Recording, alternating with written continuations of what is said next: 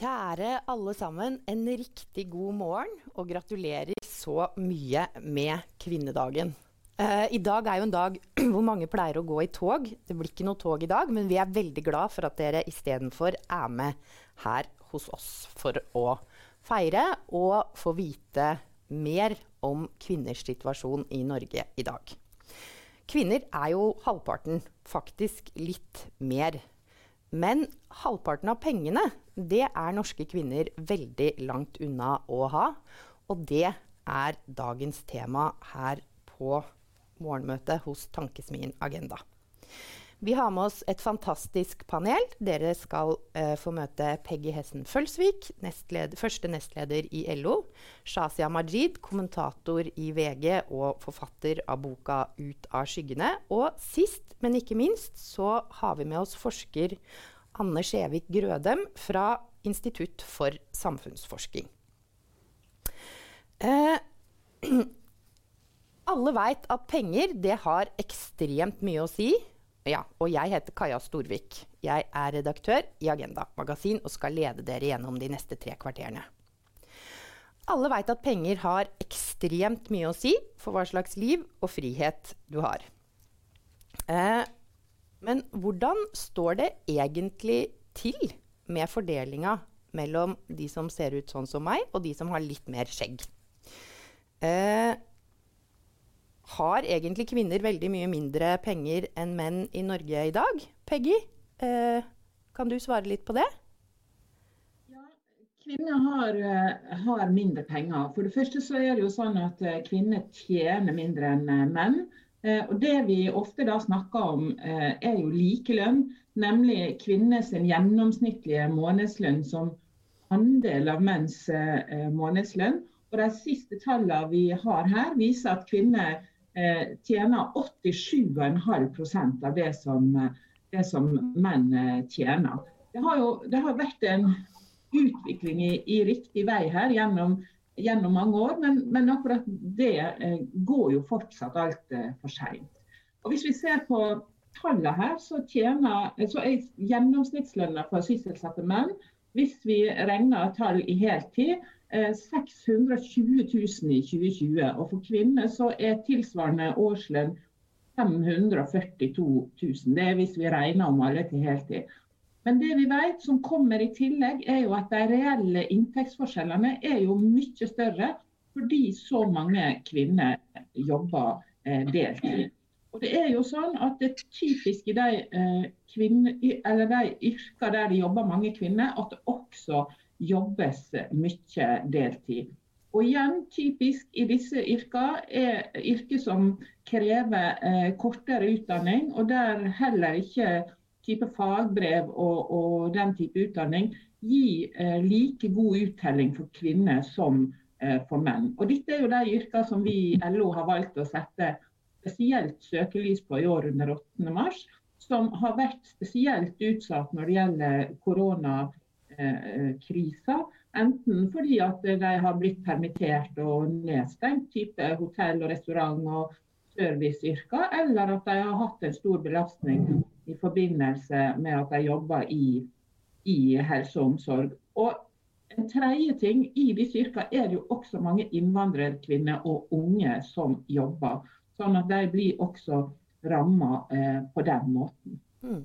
Og I tillegg til det så kommer jo andre økonomiske forskjeller.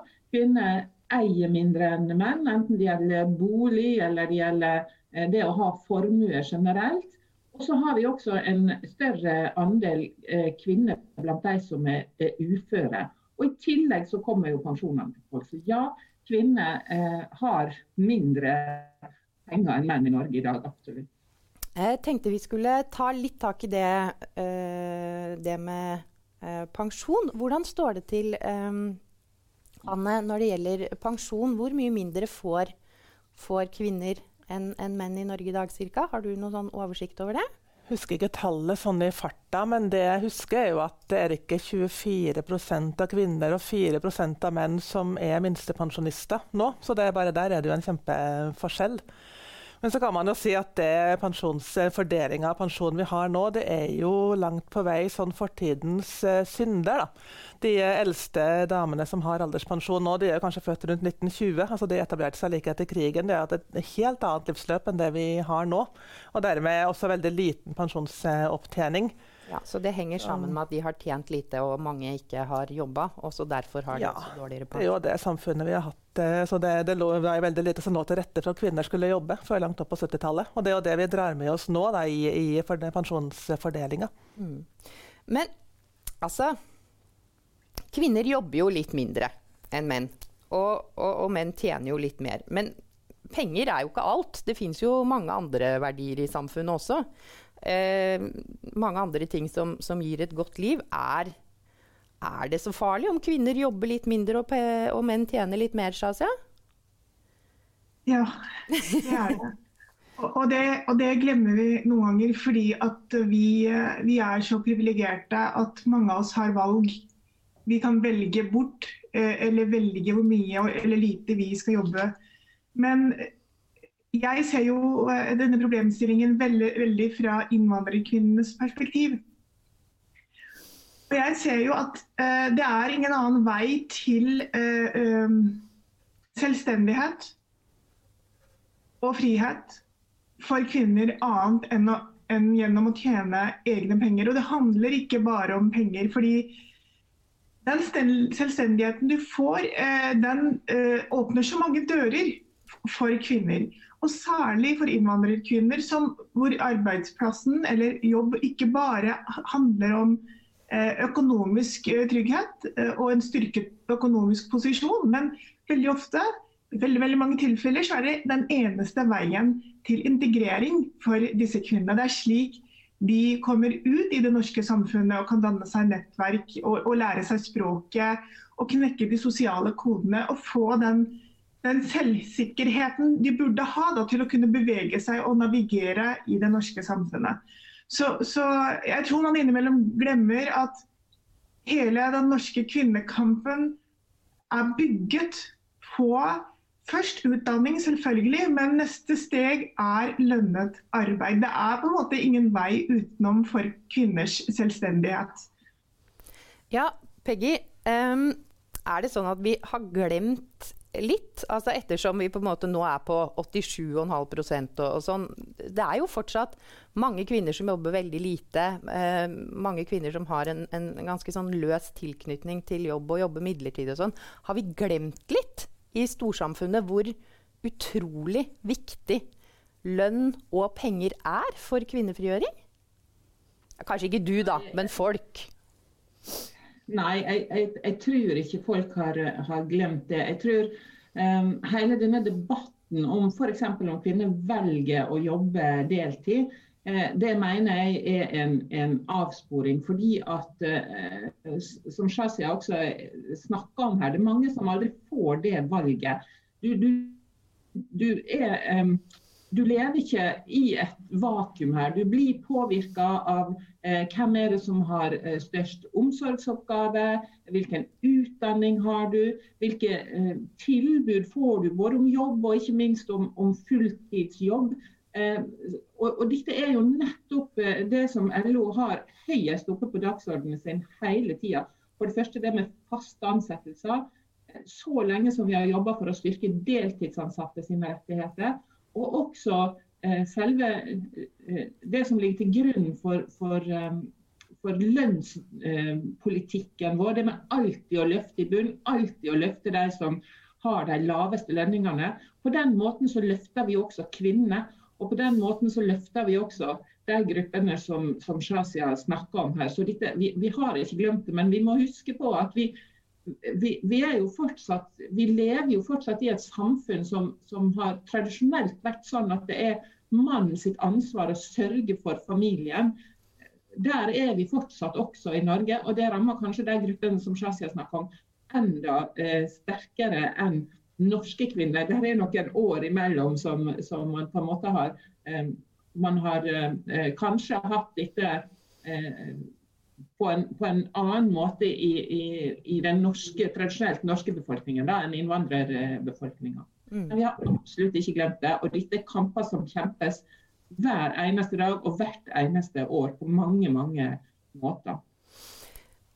Mm, jeg tenkte at Mot slutten av møtet så skal vi komme litt inn på hvorfor det ikke går fortere. Men vi skal spare det litt, det, det og, og, hva man kan gjøre for å få til det. Men det eh, tenker jeg jo også, også er, er, interessant. Eh, Shazia, du har jo undersøkt eh, litt grann dette med altså, eh, hvilke, eh, hvilke, kvinner er det som, som, ikke jobber like mye som andre? Eh, innvandrerkvinner har du, jo, har du, jo, nevnt litt. Eh, men kan du fortelle om andre kvinner som ikke jobber så like mye i Norge, og hvorfor det blir sånn, sånn som du, eller det du har funnet ut? Ja, eh, her i høst så var jeg i Kristiansand. og så og, det er veldig rart, fordi jeg, jeg, har jo alltid vært veldig engasjert i kvinnekampen, men det måtte helt nå liksom til høsten i fjor at jeg, at jeg kom borti situasjonen til enkelte kvinner på Sørlandet. Og, og det, altså Der er deltidskulturen enda mer utbredt. Og så er det første gangen jeg hørte om onsdagsfri. Og, og jeg ble kjempeoverrasket over at det fins eh, etnisk norske kvinner da, som enten velger eller altså Eh, hvor det er tilrettelagt slik at, at eh, barn, altså skolen er stengt for ungene hver onsdag. Og så hvem blir hjemme? Jo, det er veldig veldig ofte moren. Og, og, så er, og, så er, på en måte hele arbeidslivet, det offentlige arbeidslivet bygget rundt det. Sånn at, sånn at de, det, det, er en deltidskultur da, som er mye mer utbredt. Og, og det overrasker meg fordi jeg tenker eh, Og så var det veldig mange kvinner som forsvarer det. For Jeg skrev en kommentar om det hvor jeg tok dette her opp og var veldig kritisk til onsdagsfri. Jeg tror det er over 80 kommuner som praktiserer det. Um, og så fikk jeg jo uh, selvfølgelig noen som kvinner som ble sinte fordi at jeg tok det opp, fordi de vil ha den valgfriheten. Og skjønner ikke jeg, jeg er glad i barna mine, var veldig ofte en sånn begrunnelse jeg fikk. Men så var det veldig mange eh, norske kvinner som tok kontakt med meg og sa at ja, men det er, det er verre enn du tror det er, det er, men jeg kan ikke si det høyt. Så, så altså arbeid, jeg, Det var da jeg så liksom altså Arbeid er viktig ikke bare for eh, innvandrerkvinner, men også i enkelte miljøer i Norge. Så har det blitt en form for tradisjon. da Eh, at, at, det er greit at kvinner jobber mindre, at de jobber deltid. Så, altså utgangspunktet her er jo at man hviler på mannens lønn. Mm. Og det mener jeg også er uh, urettferdig. For jeg ser jo i innvandrermiljøer hvor overarbeidet mennene er. Hvor hardt de jobber, hvor lite fritid de har, og hvor fraværende de er fra barnas oppvekst og oppdragelse. Mm. Så, så nei, det fins kvinner i Norge som både forsvarer Eh, og omsorgsfri onsdagsfri og den type ting. Og, og, og, kvinner som på en måte hater det. Og, og, og syns det er en tradisjon vi trenger å jobbe eh, mot. da. Jeg, jeg, vil faktisk tro at mange, mange, i Norge ikke vet at det finnes mange kommuner som har onsdagsfri. Jeg, jeg kjenner til det som et, som et, fransk fenomen, ikke som et, eh, et primært norsk fenomen. Men, men, det der med at, at, altså at man ender opp med å um, ender opp med å, å være avhengig av mannens lønn. Eh, altså, en annen ting likestilling har brakt med seg, det er jo skilsmisser. Eh, og halvparten av Kanskje det er litt mindre, de tallene er ikke sånn helt 100% men ca. halvparten av alle inngåtte eh, ekteskap ender ikke de i samlivsbrudd. Er det ikke noe sånt, Anne? Sånn ish der omkring, tror jeg. Så er det jo det at eh, vi har jo ikke gode tall for samboerskap. Der er det også et stort sånn, Vi vet ikke hvor mange av de som, uh, som, går i oppløsning. Så det er jo Man kan ikke regne med det, at man har en partner for livet i Norge. Nei, sånn at det å, å, å belage seg på mannens lønn er ikke noe sånn det, er, altså, det kan gå bra, men det er ikke noe superplan for framtida for alle. Det er en risikostrategi, og vi har jo heller ikke veldig sterke tradisjoner for det å arve, mm, eller at uh, man får ektefellebidrag, eller at uh, den forsørgelsesplikten på noen måte varer etter at uh, samlivet eventuelt har gått i oppløsning. det har man jo i noen land, men vi er jo veldig sånn, tenker veldig individuelt på det. Mm. Vi, vi, var jo litt innom i starten, du snakka om Peggy, hvilke penger det er kvinner ikke får. og kvinner har altså dårligere lønn. de har dårligere pensjon, og de har veldig mye mindre formue. Ekstremt mye mindre. Uh, menn eier rett og slett veldig mye mer, og det er jo ikke så rart, siden menn har, over lang, lang tid har tjent veldig mye, veldig mye mer. Men mm, uh, Og du var innom uh, det kjønnsdelte arbeidsmarkedet. Men, men hvis jeg forsto deg riktig, Peggy, så er det sånn at også hvis man jobber heltid, så har kvinner i snitt mye lavere lønn enn det menn har. Stemmer det? Ja, men det, det, har jo sin årsak i hvor, hvilke sektorer kvinner jobber. Vi vet jo at, eh, at veldig mange kvinner jobber i offentlig sektor. Eh, men allikevel så er det jo sånn at eh, fordi privat sektor er større enn offentlig sektor, så finner vi jo de fleste kvinnene faktisk i privat sektor. Men hvor er det da kvinnene jobber hen? Jo, de jobber i typisk sånn som jeg var inne på i stad. De jobber i varehandel, de jobber i servicesektoren, de jobber i hotell og restaurant. De jobber i lavtlønnsyrker også i privat eh, sektor. Så ja, vi har et kjønnsdelt eh, arbeidsmarked, både fordi at mange kvinner, eller færre menn velger offentlig sektor, men også fordi kvinner i privat sektor jobber i lavlønnsyrker i stor grad. Og så har jeg et spørsmål. Fordi det er jo veldig mange som, som, ikke jobber dagtid. Som på ulike måter jobber kvelder og netter og sånn. Eh, I sånne tradisjonelle mannsyrker så heter det skift. Mm. Men i alle tradisjonelle kvinneyrker så heter det turnus. Er det bare to forskjellige navn, eller har det noe å si for hvor mye penger du får? Nei, det, også, det, også det er også en forskjell først og fremst på hvor mange timer du eh, jobber. Men, eh, men, det er en litt eh, teknisk greie å gå inn på, Kaja. Men ja, det er en, det er en forskjell. Og turnus jobber man jo mye i offentlig sektor, type der det går døgnet rundt. Mens, mens, menn jobber jo mye oftere skift, som vi kaller det, og mye i privat sektor. Da. Fordi Jeg har liksom inntrykk av at det å jobbe skift lønner seg mer enn å jobbe turnus. Enda det å jobbe turnus som regel er verre. Det kan, eh, det, for å si det veldig enkelt, så går det an å tenke sånn, ja. Ja, ikke bra. Um,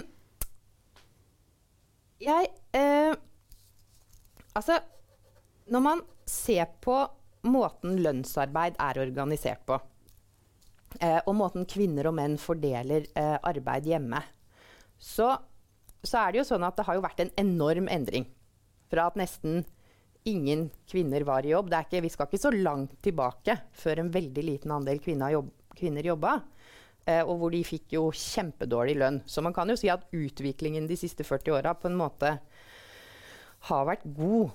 Eh, men så får man sånne ja, Man kan kanskje kalle det tilbakeslag, ikke sant? Altså hvor, eh, hvor det blir sånn at selv om det på papiret er mye likestilling, så ender kvinner altså, Det er jo faktisk sånn at når kvinner får barn, så jobber, begynner de i snitt å jobbe mindre. Mens menn de begynner å jobbe mer når de får barn. Eh, dette er ikke noe som det finnes, Jeg vet ikke om det fins noe sånn fasitsvar på det. Men, men, jeg lurte på, Anne, altså, hva slags refleksjoner gjør du der rundt Hvorfor blir det sånn? Altså, jeg og, og alle jeg kjenner, liksom, vi er vokst opp med likestilling. og vi bor ikke i parallellsamfunn på Sørlandet og sånn, men, men allikevel, og mange av dem har veldig lang utdanning sånn, allikevel så gjør veldig mange, mange de valgene. Hvorfor tror du at kvinner på en måte innordner seg gamle strukturer som vi ikke uh, ønsker oss? Hva, hva slags press er det som gjør at det blir sånn? Har du noen tanker rundt det? Kan jo stikke handa direkte inn i vepsebordet og si at det er jo ikke sikkert at det bare er gamle strukturer man innordner seg, men at det rett og slett er noe med at man har lyst til forskjellige ting. At uh, kvinner og menn faktisk har litt uh, ulike ønsker og behov inn i hva man ønsker seg ut av familieliv og um, barneoppdragelse. Men det er jo uh, sånn vi nettopp har snakka om. Vi lever jo ikke akkurat i et vakuum, og det er nesten umulig tror jeg, å skille mellom hva er liksom genuine ønsker som springer ut av det innerste i din sjel, og hva er det som er på en måte påført utafra, som, som man tilpasser, tilpasser seg. Mm.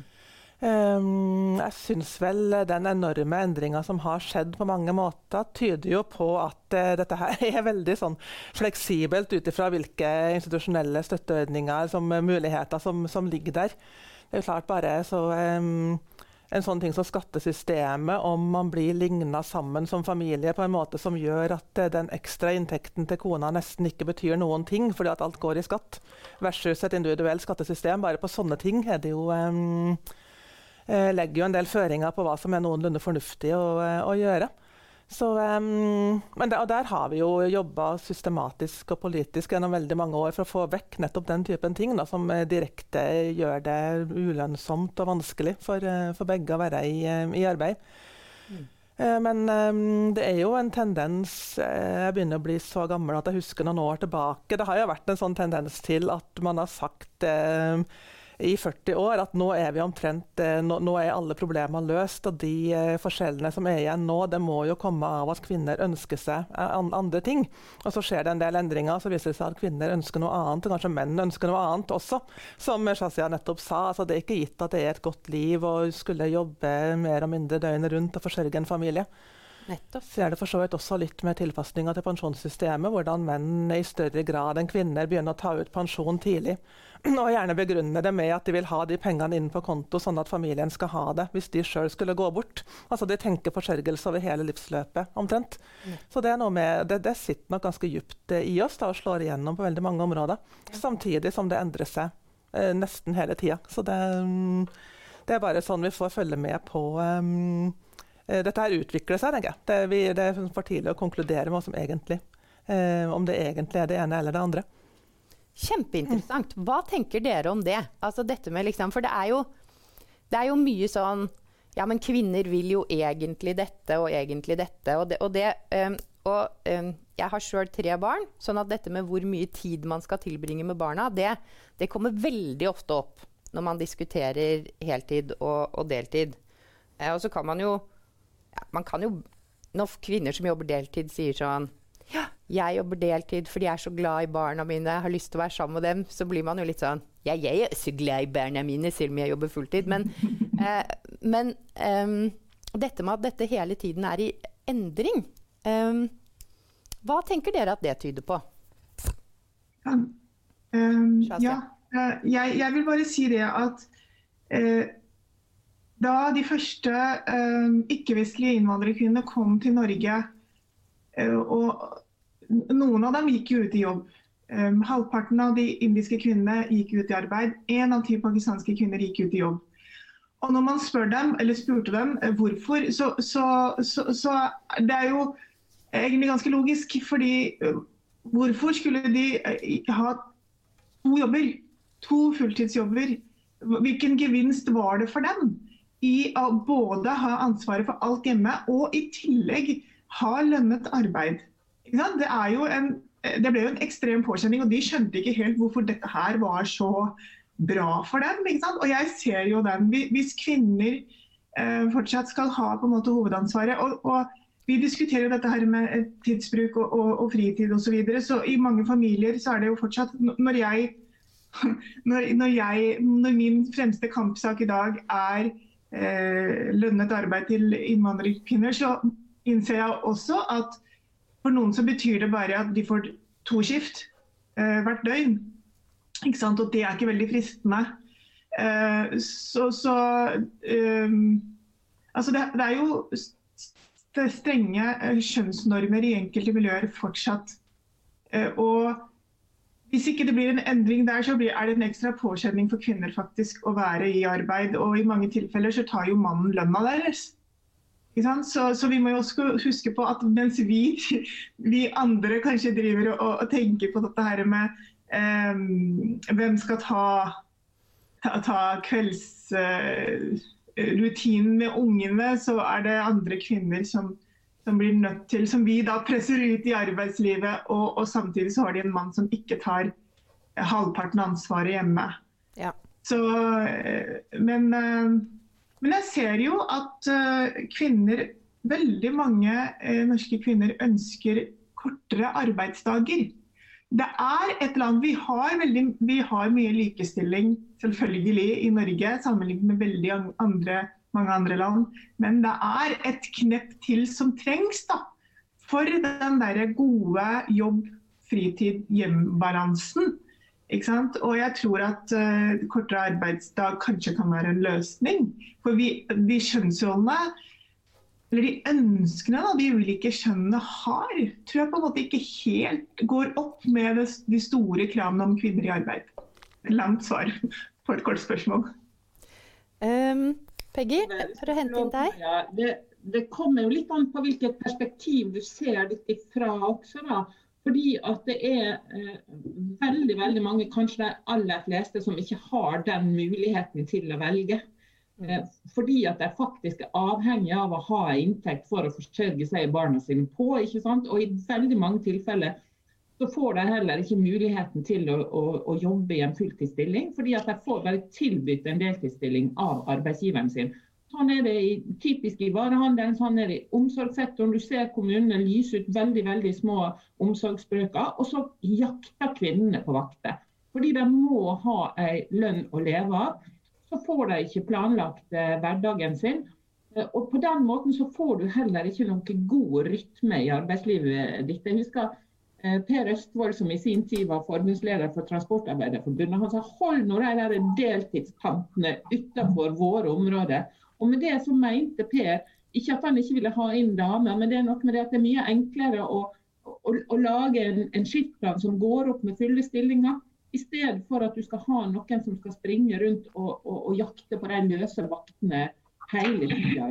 Det, er, eh, det er dumt for arbeidsgiver, og det er dumt for den som ramma av det, som skal prøve å forholde seg til et liv der du aldri har helt kontroll på hverdagen din.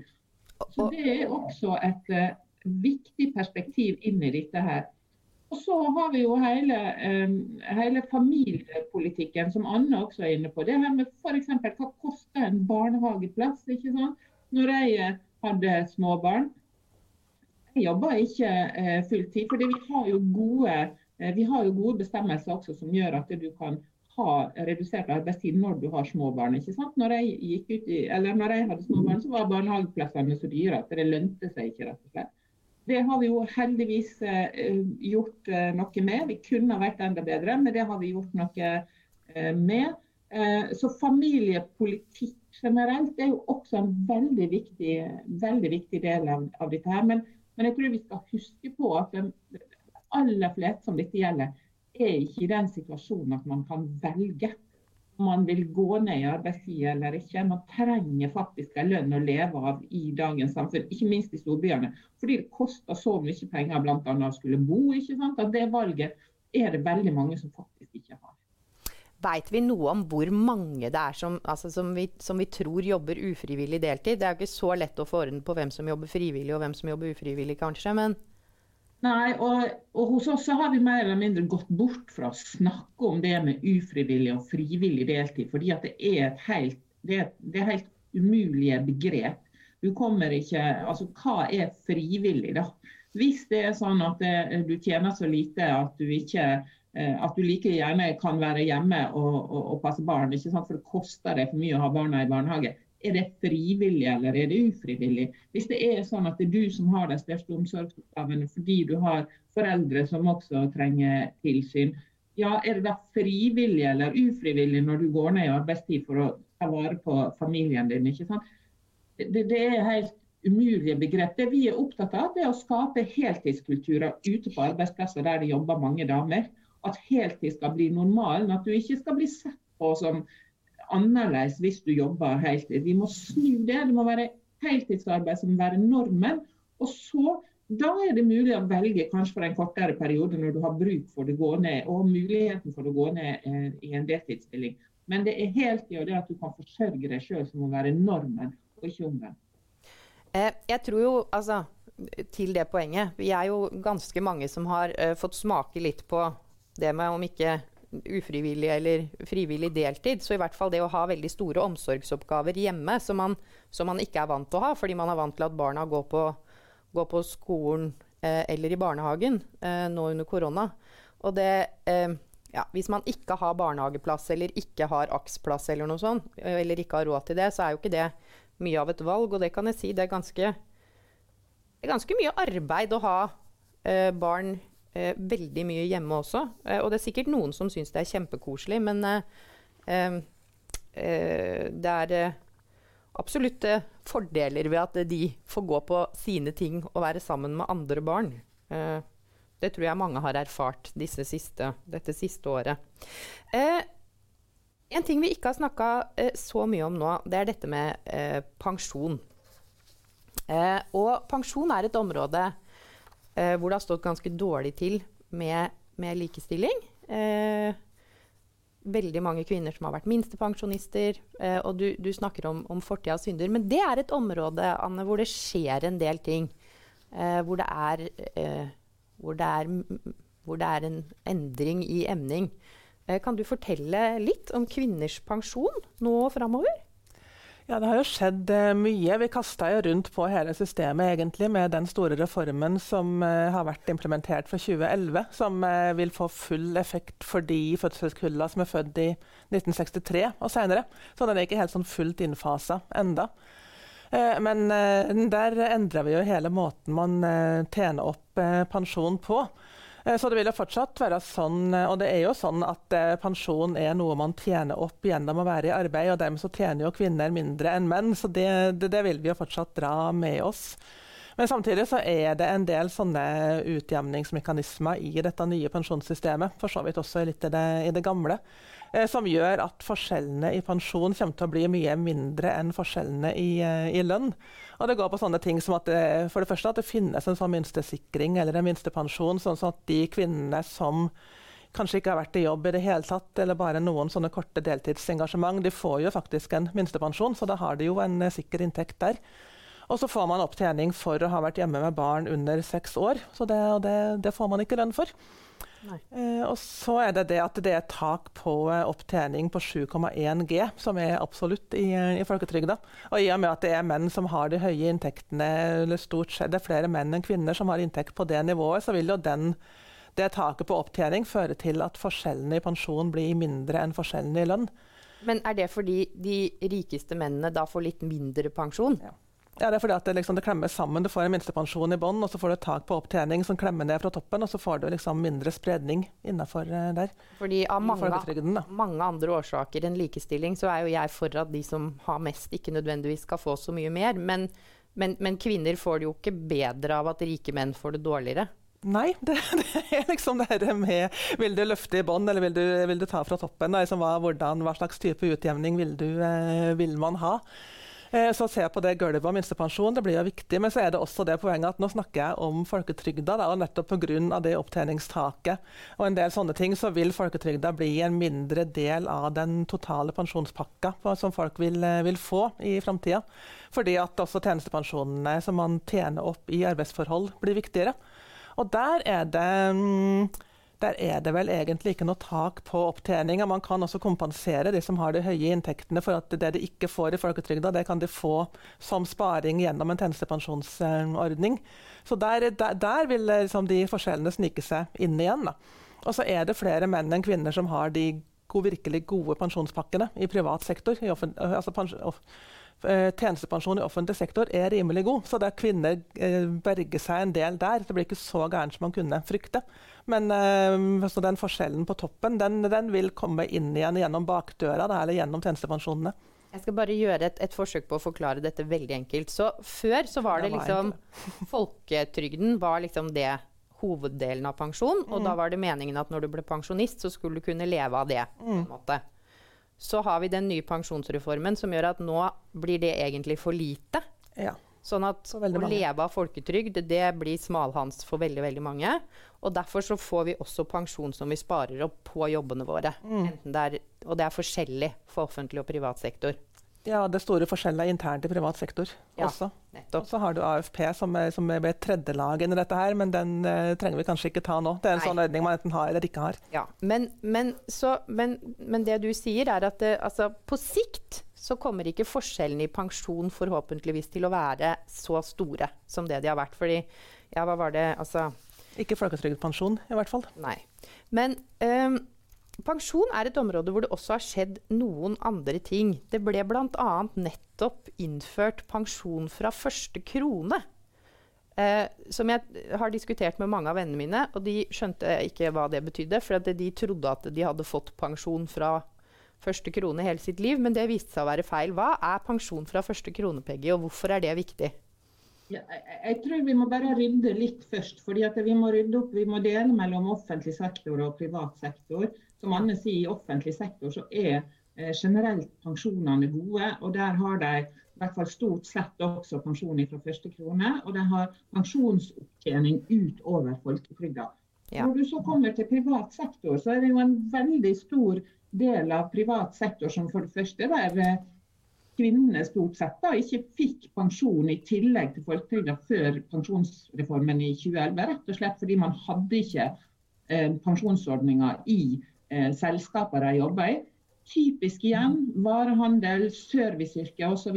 Mens i industrien, i de sektorene der menn jobber, der hadde de også tjenestepensjonsordninger i eh, selskaper Eh, der, eh, der, disse jobber. Så fikk vi en lov i 2011 som, som, sa noe om at alle i privat sektor, alle bedrifter i privat sektor, nå snakker jeg igjen stort, det finnes noen få unntak, skulle ha eh, også en tjenestepensjonsordning. Og Der ble minimumssatsen som arbeidsgiver måtte spare for deg, satt til 2 Det er minimum.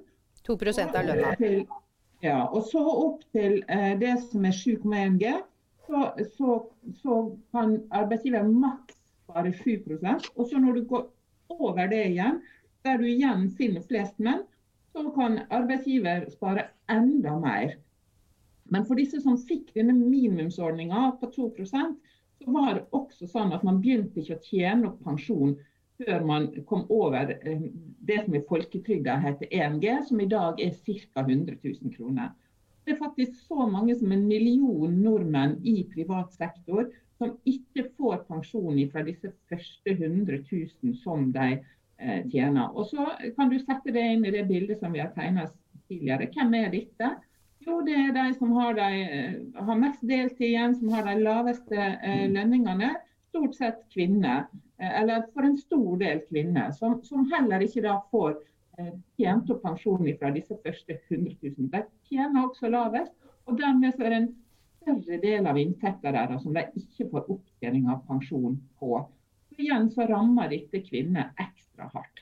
Har vært, vi har kjempet for dette i mange år, å få pensjonsopptjening fra første krone også i private tjenestepensjoner. I folketrygda så har man det allerede.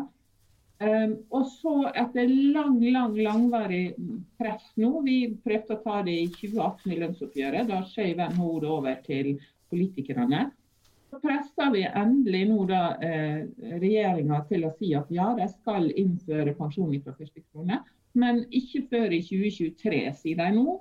Og vi vet heller ikke helt hvordan denne ordninga skal se ut. Og, de, og dette er fryktelig urettferdig. Dette kunne vært innført på dagen hvis politikerne hadde sagt ja.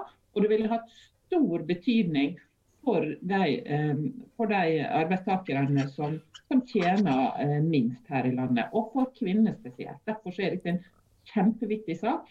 Og, og, og, hadde vi hatt eh, flertall på Stortinget, så hadde vi kunnet innført det eh, fra eh, neste måned. Ja, fordi, men her er du inne på, altså, på noe fordi eh, dette er jo åpenbart et likestillingstiltak. Altså, det vil fungere veldig veldig godt for kvinners økonomiske situasjon. Og kvinner lever jo kjempelenge som pensjonister, så hvordan de har det økonomisk som pensjonister, er jo ganske, ganske viktig for, uh, for, økonomien til kvinner i mange år. Um, kan jeg si en ting om det? Ja. Eh, de aller fleste tjenestepensjonsordningene i privat sektor er utforma sånn at man bare får dem i ti år, eller til man har blitt 77 år. Så det er fortsatt en del kvinner som skal Eh, både kvinner og menn, men særlig kvinner kommer til å leve ganske lenge etter at den pensjonen er brukt opp eller blir borte. Så da må man spare på egen hånd hvis man har noe å spare av. Det er også greit å vite om. Nettopp. Sånn er det. det. er jo heller ikke spesielt rettferdig i så fall. Men, uh, men um, altså Et enkelt grep. Uh, og så sier du at dette har dere slåss for i mange, mange år. For det er jo litt sånn med likestilling at eh, nå er det jo 8. mars. Det er jo selvfølgelig alle for likestilling, unntagen de tre som har lyst til å få oppmerksomhet på sosiale medier. Eh, men i praksis har jeg inntrykk av at det ikke alltid står like bra til. Eh, hva tenker dere om det? Da begynner vi med deg, Shazia. Er, liksom, er det liksom mer Er det mer jatting om likestilling og mindre vilje i praksis enn det, det man kanskje skulle tro? Altså, jeg har jo um, over lang, lang tid siden jeg var 21 år kjempet for um, det som var mine hjertesaker i mange år, det var jo kampen mot det vi nå kaller negativ sosial kontroll, og som på den tiden på en måte ble kalt um, æresvold og tvangsekteskap og den type ting. Og hver 8. mars og egentlig hver gang vi diskuterer integrering og likestilling, så er det disse kvinnene som blir skjøvet foran. Og, og, det er det man veldig ofte snakker om. Fordi, og det er naturlig også. Altså, dette er jo overgrep som vi alle skal motarbeide, og det har jeg på, måte, på min måte gjort i veldig, veldig mange år. Men jeg ser at det som virkelig er vanskelig å snakke om, det, det tar vi ikke tak i. Og det er å få flere kvinner, kvinner ut i faste heltidsstillinger. Um, og da også selvfølgelig innvandrerkvinnene. Og, og jeg, er veldig bevisst på begrep innvandrerkvinner og ikke innvandrerkvinner. For døtrene er ikke innvandrerkvinner. ikke sant? De er førstefødte, de er, norsk, de er første generasjon uh, nordmenn. Men, hvis, men, så er det sånn at vi får nye innvandrerkvinner hver dag, og vi kommer til å få nye generasjoner døtre. Og Hvis vi styrker moren deres økonomisk, så styrker vi automatisk døtrene. Og hvis vi i dag bruker vår energi og vår kamp, likestillingskamp på å få kvinner ut i lønnet arbeid, så slipper vi faktisk, tror jeg, å bruke hundrevis av millioner på tiltak mot tvangsekteskap og, og eh, negativ sosial kontroll. Fordi at Eh, økonomisk sterke kvinner har lettere for å bryte ut av patriarkatet. Det er en form for automatikk i det, og det er det som frigjorde norske kvinner. Ikke sant?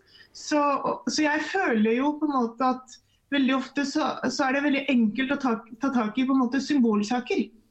For det koster, deg, det koster, deg, ingenting å si at du er imot tvangsekteskap. Vi er alle imot tvangsekteskap. Det er mye vanskeligere å faktisk få innvandrerkvinner ut i arbeid. De blir jo sendt fra eh, middelmådig norskkurs til et annet, og, og, fra en praksisplass til en annen. Og, og, selvfølgelig hele denne, denne, problematikken med deltidskulturen vi har i Norge, som rammer kvinner. Så, så jeg savner, savner mer kraft i, i, eh, de tiltakene og de kampene vi kjemper for. Da. Mm. Peggy?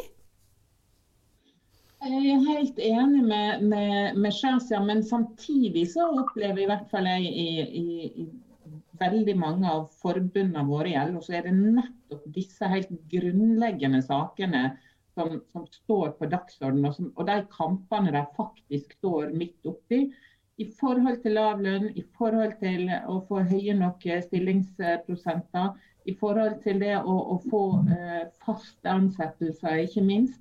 Eh, vi ser jo også at den delen av arbeidslivet der det er færrest organiserte, der vi har færrest tillitsvalgte, eh, der også vi ser um, ukultur, arbeidslivskriminalitet. Altså det er jo også den delen av arbeidslivet der mange av um, hvis vi skal kalle det for innvandrere og innvandrerkvinner, Shazia, også befinner seg. Det er liksom der du begynner. ikke sant? Sånn disse tingene henger veldig tett sammen. Eh, så, så, sånn helt grunnleggende så mener jeg også at, det, at rett og slett kampen for et seriøst arbeidsliv er viktig også for de gruppene som, som vi snakker om, om her. Og så, og, så, og så, er det jo eh, liksom det som ligger til grunn for hele, i hvert fall min feministiske tenkning. Da, at det der med å kunne forsørge seg sjøl og på den måten ta selvstendige valg for, for deg og for, eh, for barna dine, for familien din, det er jo helt er jo helt grunnleggende. Og det er jo dit vi vil for, for alle kvinner. Et siste spørsmål til deg, Peggy. Altså, um, det er jo på en måte, ikke sant? Nå har vi snakket om mange ting hvor det går an å få til endringer. Vi har etablert veldig tydelig at det er store økonomiske uh, forskjeller. Um, og så snakka vi f.eks. om pensjon fra første krone, eller deltids- og heltidskultur og sånne ting. Uh, grunnen til at man ikke får på plass disse tingene fortere, det er jo at noen sier nei til det. Det er jo at politikerne ikke vedtar penger og midler til det, at arbeidsgiverne sier nei. Så det er jo ikke sånn at, uh, at ikke vi vet hva som kan virke, at ikke det fins en masse tiltak man kan innføre. Um, og at ikke det er grupper som presser på for det. Det er rett og slett at noen sier nei til bedre likestilling. Er det sånn? Ja, det tror jeg det er. Og det er selvfølgelig noen som også tjener eh, på at det er sånn. Eh, det er jo mange arbeidsgivere som syns det er behagelig å kunne eh, velge å ha mange deltidsansatte, fordi at da mener de det er lettere å bare kunne ringe og folk er fleksible. ikke sant? Og at det er også sterke økonomiske krefter eh, som, som, jobber mot eh, forbedringer her. Det er så ærlig tror jeg vi må rett og slett, eh, vi må rett og slett være. Så, så, så, her er det eh, Vi har motkrefter, og vi har også motkrefter som hele tida vil prøve å sette oss tilbake i forhold til slag og kamper vi har vunnet. Så, så det at vi fortsatt eh, er, både feirer 8. mars og holder trykk på disse viktige likestillingspolitiske sakene, det er veldig veldig viktig framover. Heldigvis så ser jeg jo at det er mange av av også innvandrerkvinner som engasjerer seg. Vi har masse tillitsvalgte som, som har annen kulturell bakgrunn, og som også er aktivt med eh, i våre eh, familie- og likestillingspolitiske utvalg. og det er, det, er rett og slett fortsatt kamp som, som må til, og det må vi bruke også 8. mars til å huske på.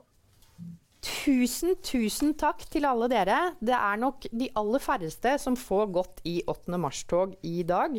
Men for at kvinner skal få sin andel av cash, er det jo åpenbart nok å ta tak i. Eh, Peggy Hessen Følsvik, eh, Shazia Majid og forsker Anne Skjevik Grødem, takk for at dere var med oss her i dag. Eh, tusen, tusen takk til dere som fulgte med hjemmefra, enten det var på stua, i senga eller ja, andre steder. Uh, jeg heter Kaja Storvik, uh, og uh, Tankesmien Agenda sier takk for i dag, og ha en fin kvinnedag.